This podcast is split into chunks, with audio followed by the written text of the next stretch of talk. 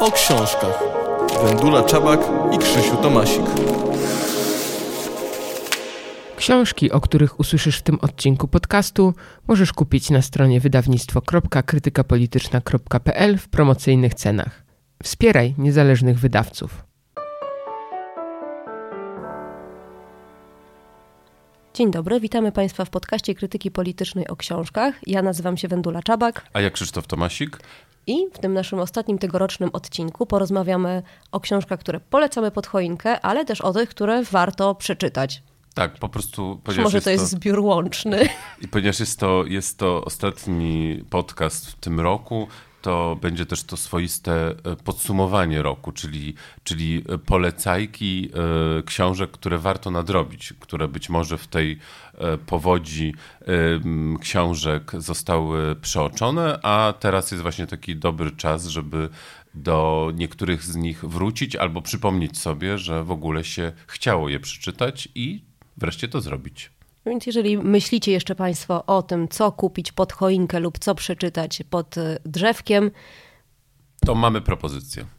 Zaczniemy chyba od e, pierwszej dużej naszej nowości tegorocznej. To była książka Andy Rottenberg Rozrzut, zbiór tekstów o sztuce, wspaniale wydana, piękna książka. I pod tym względem właśnie idealna, idealna na prezent, idealna pod choinkę, idealnie też prezentująca się e, na półce z książkami, ponieważ jest to rzeczywiście e, imponujący zbiór e, tekstów Andy Rottenberg, pisanych na przestrzeni lat, a tutaj zebranych w jednym tomie i także ilustrowany sztuką, o której autorka pisze i tak jak właśnie było mówione, no, całość, całość pięknie, pięknie skomponowana, pięknie wydana, więc to jest swego rodzaju suma, y, suma tekstów o sztuce właśnie Andy Rottenberg. Dla wszystkich fanek Andy Rottenberg, dla wszystkich fanek sztuki, myślę, że pozycja obowiązkowa w tym roku. Zdecydowanie.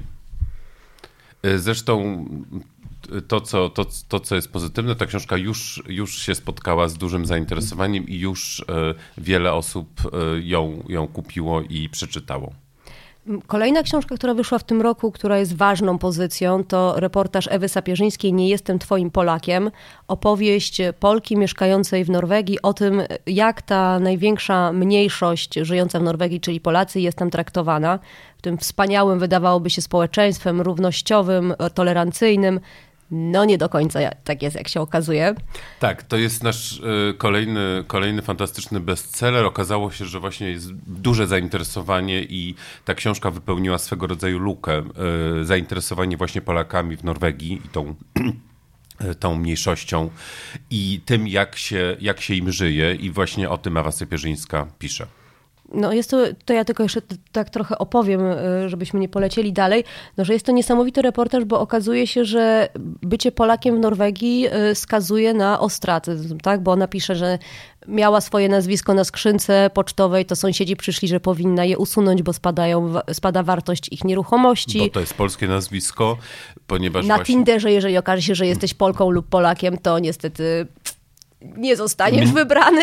Mniejsze notowania. No to są, to są po prostu te stereotypy, te stereotypy narodowe, które znamy i znamy je także przecież w Polsce i, i, i sami je często stosujemy do innych nacji. Ale pisze też o ludziach pracujących w Norwegii, czyli jakby nie tylko o tej wyższej klasie średniej, do której sama autorka się zalicza, ale też o robotnikach, którzy pracują często bez umowy, nie jest im płacone, nie mają ubezpieczenia zdrowotnego, a próbują się jakoś samoorganizować i zawalczyć o swoje prawa, więc myślę, że to jest taki przekrojowy reportaż o społeczności Polaków żyjących w Norwegii. Tak, a jednocześnie jest to bardzo dużo y, z tej, z tej własnej perspektywy mhm. i, i y, tutaj tym, tym punktem wyjścia jest właśnie sama autorka i jej historia, ale także rzuca to właśnie na szersze tło i pod tym względem to jest y, właśnie jeszcze, jeszcze ciekawsze. Bardzo, bardzo się cieszymy, że ta książka wyszła u nas w wydawnictwie krytyki politycznej, ponieważ ona w Norwegii wywołała dość duży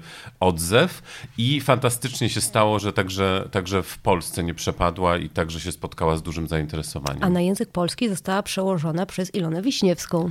Inną też wspaniałą autorkę, więc, więc tutaj mamy e, dwa, dwa mocne nazwiska. Kolejna nasza książka, która się ukazała w tym roku, e, I pewnie wam nie serii. uciekła, ale na wszelki wypadek o niej mówimy, to nowa książka Janka Mencfela, Hydrozagadka, kto zabiera polską wodę i jak ją odzyskać. Jest to książka o polskiej wodzie.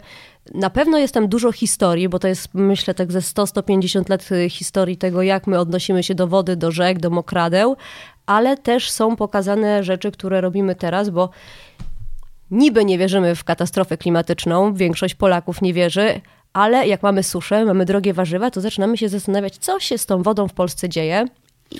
I ta książka jest właśnie odpowiedzią na to, co się dzieje. I rzeczywiście tutaj prze- prześledzenie w, w różnych, w- róż, różne, w różnych opcjach, właśnie w, w jaki sposób ta, ta woda funkcjonuje, w jaki sposób e, się wytraca, w jaki sposób by się jeszcze mogła e, bardziej wytracać, albo, albo można ją zachować. Właśnie te, wszystkie aspekty są przez e, Jana A Mencfela przy opisane. tym nie jest to książka przygnębiająca, no bo oczywiście jest opisane, co złego się dzieje, ale jest też I co dużo. się może stać. Tak, ale jest też dużo pozytywnej energii, dużo ludzi, którzy robią dobrą robotę, mają dobre pomysły i jakoś to próbują ratować tą naszą polską wodę. I okazuje się też, że nasze polskie mokradła powinny być naszym dobrem narodowym.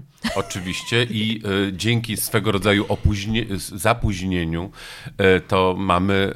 e, Jesteśmy w awangardzie. Tak, jesteś, jesteśmy, jesteśmy w awangardzie i byś, obyśmy tego, nie, obyśmy tego nie, nie, nie stracili. A wszystkim osobom, którym hydrozagadka już jest znana i się podobała, przypominamy także o poprzedniej książce Jana Mencfela, O betonozie. o betonozie, czyli o tym, jak się betonuje polskie miasta i miasteczka. I to jest też bardzo ważna miejska, y, tym razem przede wszystkim i tylko miejska opowieść, ponieważ Hydrozagadka y, nie jest tylko miejską opowieścią, ale także ten aspekt wody w mieście też jest y, podjęty. Jeżeli jesteśmy przy hydrozagadce, to przejdźmy płynnie do grzybobrania Maćka Lorenza. Jest to książka o psy, psylocybinie. Jest to substancja, która występuje w grzybach. Jak się okazuje, ja tego tak do końca, na, naprawdę tego nie wiedziałam. Jest y, stosowana w medycynie, I jest psychoaktywna. jest psychoaktywna. I, y, I rzeczywiście y, te, te, te, te różne aspekty Maciej Lorenz opisuje, czyli, czyli w jaki sposób te, to, grzybobranie można zastosować y, w, y, no, w życiu. y, Przy leczeniu depresji, stresu pourazowego, ale też y, jakiejś kreatywności. Y, Maciek jest socjologiem, więc pokazuje też różne kulturowe aspekty, dlaczego zaczęliśmy się interesować psylocybiną, co oczywiście w dawnych kulturach mieliśmy te substancje psychoaktywne, ale no... Ale ta tradycja została wytracona czy tak, zatracona. potem mieliśmy prawda, tą wojnę narkotykową lat 70., y, y, pró- próby zakazywania używania narkotyków. Nie była to dobra droga, jak, y, jak już wszyscy powinniśmy wiedzieć. Tutaj pochyla się nad grzybobraniem i to, co mi się też... y, Nad psylocybiną. nad, psy, nad psylocybiną. To, co mi się też w tym podoba, że y, nie jest taki hura optymistyczny. Nie mówmy, będziemy teraz wszyscy jeść grzybki, będziemy szczęśliwsi, bardziej kreatywni, nie będziemy się martwić. I będzie świat wielkiej, wiecznej szczęśliwości. no, widzi w tym potencjał, widzi w tym dobre rzeczy, które możemy z tego wziąć, natomiast no, też y, uczula nas, że nie można tego jednak robić w domu na własny użytek. I oczywiście też przy okazji grzybobrania, y, no nie możemy nie wspomnieć o poprzedniej książce Macieja Lorenza, także fantastycznym naszym bestsellerze. y, Czy psychodeliki uratują świat? To jest, y, jak sama nazwa wskazuje, opowieść o psychodelikach ze specjalistami i specjalistkami w tej dziedzinie. Trzeba znać. Trzeba. jak już jesteśmy przy grzybobraniu, to teraz możemy sobie porozmawiać o żywności i książce, która wyszła u nas w październiku. To książka George'a Monbiota Regenesis, y, Jak wyżywić świat nie pożerając planety. Myślę, że jest to książka dla nas wszystkich, bo wydaje nam się, że mamy pewien przesyt y, konsumpcyjny tego jedzenia, jest za dużo, marnujemy żywność. Jak się okazuje, głód na y, Ziemi jest i jest on coraz większy, tam wzrasta liczba głodu. Tak, mamy coraz więcej żywności y, i wbrew tej globalizacji mówiliśmy, będziemy redystrybuować żywność tam gdzie, tam, gdzie jej nie ma, nie udaje nam się, a Dodatkowo przy, przemysł, który produkuje żywność jest jednym z najbardziej zanieczyszczających naszą planetę i niszczącym ją. Tak, y, właśnie też a propos hydrozagadki, zużywającym mnóstwo, mnóstwo też wody i potrzebującym szczególnie, szczególnie do produkcji mięsa. Więc y, no, dla wszystkich zainteresowanych tymi kwestiami y, w taki sposób w taki sposób syntetyczny, no to właśnie ta książka, ta książka jest. A jeszcze y, to nie jest też tak, że jakby George Monbiot tylko się rozwodzi nad tym, jak jest źle, jak wszystko po prostu zniszczyliśmy i nie da się nic zrobić. Mówi, nie, są narzędzia na stole, których możemy użyć. Nie jest to tak, że musimy teraz wszyscy przestać jeść mięso, bo y, zdaję sobie sprawę, że jest to nierealne, że teraz wszyscy ludzie na Ziemi przestaną jeść mięso, nawet zdając sobie sprawę, jak ono jest szkodliwe, ale na przykład możemy produkować żywność y, poprzez fermentację. Możemy też bardziej świadomie y, jeść i bardziej świadomie dysponować jedzeniem i rozdysponowywać. Y, I szczególnie, no i szczególnie oczywiście to jest też apel czy kierunek właśnie dla, dla krajów zachodu, krajów rozwiniętych, które, które właśnie już tą świadomość powinny mieć i powinny zdobywać. Tak, że mamy przywilej, ale powinniśmy go wykorzystywać dla jakiejś dobrej zmiany. Albo tak, przynajmniej, przynajmniej się starać, a przynajmniej, albo przynajmniej być, być świadomymi tego i to jest, e, to jest e, ta, ta, ta książka tą możliwość e, daje. Mm, mówiliśmy o różnych naszych seriach i książkach poza seriami. W tym roku w naszej serii historycznej ukazałaś też kilka super książek świetnych. Natomiast my chcieliśmy powiedzieć na koniec roku o książce Magdy Szcześniak Poruszeni, awans i emocje w socjalistycznej Polsce. Jest to temat ci bliski, gdyż głęboko siedzisz w PRL-u. PRL tak, jest, jest, mi, jest, jest mi bardzo bliski. Y, wybraliśmy tą książkę Poruszenie Magdy Szczęściak dlatego, że jest to naj, najnowsza książka z serii historycznej, która właśnie się ukazała, ukazała w tym roku i w, właśnie traktuje o klasie, klasowości w PRL-u i tym e, awansie, awansie klasowym, który był, który, który był możliwy, z którego e, no, mnóstwo, mnóstwo osób e, korzysta korzysta, korzystało przede wszystkim, to, Który... to raczej nasi, nasi, na, nasi przodkowie, ale jakby e, efekty, efekty wciąż, wciąż działają. A po 89 roku jakoś zapomnieliśmy o klasach, klasowości i awansie. Nie mówiło się o tym, tworzyliśmy wielką, wspaniałą klasę średnią. Nawet więcej, to zostało wyśmiane jako, jako właśnie te takie ty, ty, punkty za pochodzenie, to zostało e, wyśmiane jako, jako coś słusznie zapomnianego, negatywnego, o czym trzeba, e, o, co trzeba odwrócić i, o czym, i o czym e, zapomnieć. Więc... Więc jeżeli chcemy znać siebie, no musimy znać naszą historię i zdawać sobie sprawę, jakie to miało konsekwencje dla nas dzisiaj. E, Mag... I jak to wyglądało? Tak, i jak to wyglądało, no to jest też o tyle fascynująca książka, bo Magda Szcześniak pochyla się nad ludźmi, którzy tego awansu doświadczyli, czy jakby wchodzi, wchodzi w ich opowieść poprzez filmy, książki, pamiętniki, tak. gdzie jak mamy trochę z pierwszej ręki, trochę przefiltrowane przez artystów, ale pokazuje też emocje, jakie towarzyszyły awansowi, bo było to dużo często nie, niełatwych emocji. Tak, i, i, i to są też często właśnie takie nieoczywiste, y, nieoczywiste skojarzenia, y, których e, być może byśmy się nawet nie spodziewali, na przykład, e, na przykład przy okazji e, Stefana Karwowskiego i, i zastanawiania się, jaka jest jego droga i skąd właściwie on, skąd właściwie on pochodzi i jakiego awansu jest przykładem. To, to, to jest właśnie w tej książce, ale przy okazji, skoro jesteśmy przy serii historycznej, no to też musimy przynajmniej dwoma słowami wspomnieć o innych książkach z tej serii, które, które w tym roku wyszły.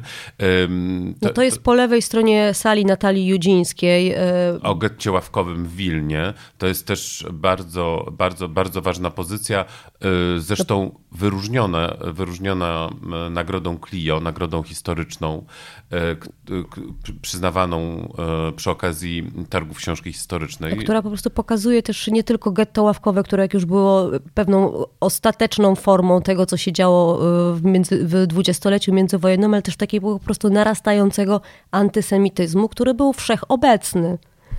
Tak, i y, to, to jest y, jedna książka, a druga książka, która też została nagrodzona w tym roku Clio, to, jest, to są niedopowiedziane biografie, to jest książka jeszcze zeszłoroczna, ale, ale właśnie w tym roku... W tym roku Święci Triumfy, Święci Triumfy zasłużone bardzo. I, i y, właściwie jest to książka Jakuba Gałęziowskiego o dzieciach urodzonych z powodu wojny, czyli dzieciach, które, które by się nie urodziły właśnie gdyby nie związki, albo związki z okupantem, albo gwałty wojenne. W, w każdym razie no, takie sytuacje sytuacje seksualne, y, które, które, które wydarzają się w wojnę. Wyparte, niedopowiedziane, nie chcemy o tym mówić. Przemilczane, mm, często, często, często nawet zakłamane. Ta książka, tak jak e, powiedziałem, spotykała się z ogromnym y, takim docenieniem środowiska historycznego. Właściwie zaliczyła nominacje albo nagrody we wszystkich najważniejszych e, e, tych nagrodach właśnie historycznych, między innymi Nagroda Historyczna e, Polityki. E, Clio, Uniwersytetu Łódzkiego. Kotarbińskiego, tak, więc, więc, więc wielokrotnie nagradzana. Też, też, też tą książkę Państwu bardzo serdecznie polecamy. No i, no i oczywiście też obrońcy pańszczyzny, Adam Leszczyński, swoista kontynuacja, czy też trochę inaczej opowiedziana ludowa historia Polski, czyli, czyli e, opo, opowieść poprzez właśnie tych tytułowych obrońców pańszczyzny, poprzez osoby, które, które, które broniły pańszczyzny, które próbowały szukać dla niej uzasadnień wszelkich, od boskich do, do, do ludzkich i to jest też, e, też, też bardzo ważna część tej, tej nieopowiedzianej historii, e, o której, o której warto czytać. To nie jest ostatnia pozycja, którą chcemy polecić. Zostało nam jeszcze kilka tytułów. Na pewno chcielibyśmy polecić e, książkę Bell Hooks Gotowi na zmianę o mężczyznach, męskości i miłości. Myślę, że cały czas jest to dyskutowany, nie do końca jeszcze zdefiniowany problem tego, jak wygląda współczesny mężczyzna i z czym się musi mierzyć. Tu mamy autor... I jak ma wyglądać. I jak ma wyglądać. Bo to jest właśnie też, te, te, te, też ta opcja tej, tej, tej zmiany, tego, tego szukania nowego modelu mężczyzny. I mimo, że książka e, Bell Hooks, oczywiście to nie jest książka z dzisiaj, ponieważ e, Bell Hooks, wybitna e, amerykańska feministka, teoretyczka feminizmu, nie żyje, to, no, no, no to jest właśnie jej taka klasyczna, klasyczna próba właśnie szukania odpowiedzi na na, na to, jak, e, jak sprawić, żeby właśnie. Jak być mężczyzną we współczesnym świecie, ale też jak wychować mężczyznę. No myślę, że jest to bardzo, bardzo potrzebna nam wszystkim lektura, bo wokół tej męskości narasta nam tutaj problem. Tak, zresztą e, jesteśmy, jesteśmy, jesteśmy wydawcami e, Bell Hooks, i, więc, więc, więc polecamy jej książki. Jeszcze w, te, w temacie, to, to jest książka zarówno właśnie dla osób zainteresowanych feminizmem, jak i dla osób zainteresowanych właśnie męskością, czy, czy jakby tym modelem, nowym modelem męskości. Jeszcze z książek tegorocznych LGBT na pewno, na, pe, na pewno chcemy y, i powinniśmy wspomnieć o y, Mai Heban, Godność proszę. To jest książka Manifest y, w, te, w temacie, który, który ostatnio jest bardzo, bardzo poruszany i dyskutowany. Temat transpłciowości, temat niebinarności, temat nowych, no, nowych modeli płciowości, to, to, to jesteśmy bardzo szczęśliwi, że właśnie mm, książka aktywistki, e, która też e, opisuje się, poprzez siebie swoją historię, opisuje w ogóle szersze, szersze zjawisko i zabiera głos właśnie we współczesnym dyskursie. To jest Maja Heban, Godność, proszę. Natomiast jeśli chce się tak bardziej na luzie podjąć ten, ten temat w w sposób taki literacki, no to jest oczywiście fanfic, Natalia Osińska, książka, powieść o nastoletnim Nie powstrzymam cię, Krzysiu, powiesz o wszystkich naszych książkach, które wydaliśmy w tym roku, no ale tak to jest, że po prostu jedna kojarzy nam się z drugą, z kolejną. Tak. Tak, tak jest. Wszystkie je kochamy i chcielibyśmy, żeby je Państwo czytali i lubili tak jak my i cenili. Więc y, fan, fanfic też jest dla tych, którzy, którzy zobaczyli film y, z, zrobiony na Netflixie i chcieliby y, skonfrontować tą, tą wizję z, z literackim pierwowzorem, to zachęcamy właśnie fanfic Natalii Osińskiej, które w tym, który w tym roku dostał drugie życie. Nie byłoby książek krytyki politycznej bez książek z koloratką, w naszej serii z koloratką, jak to ją nazywamy, Nieformalnej, oczywiście. To są, to są książki poruszające temat, temat kościoła, temat prób wyzwalania się Polski spod, spod dominacji Kościoła i, y, no, i, i, temat w ogóle dominacji Kościoła w Polsce. Y, w tym roku ukazały się dwie takie książki. W serii Niefikcja to książka Marty Glantz, Córka Księdza. Bardzo osobista opowieść o tym, jak to jest być córką księdza w Polsce, z czym trzeba się mierzyć.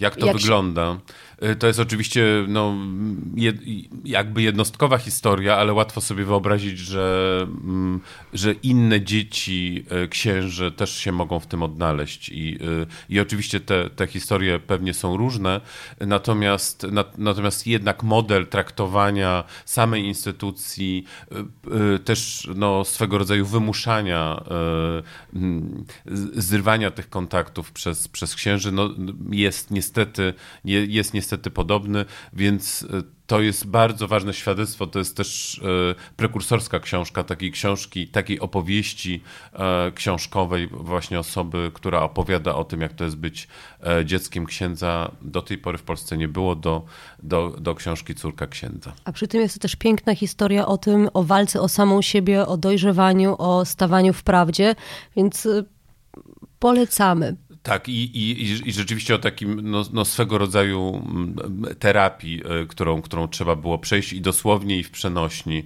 żeby, żeby, żeby, żeby, żeby rzeczywiście sobie z tym. E, przyznać się przed sobą, że jest się córką księdza, ale też przyznać się przed światem. Tak, i, no, no i też chyba trzeba to powiedzieć, żeby sobie poradzić z tym piętnem, ponieważ, tak. e, ponieważ jest to właściwie ciągle, ciągle tutaj w tej kulturze niby, niby, niby, niby, niby tak katolickiej, niby tak chrześcijańskiej ciągle jest e, piętno i to jest też ciągle coś, z czym sobie nie poradziliśmy.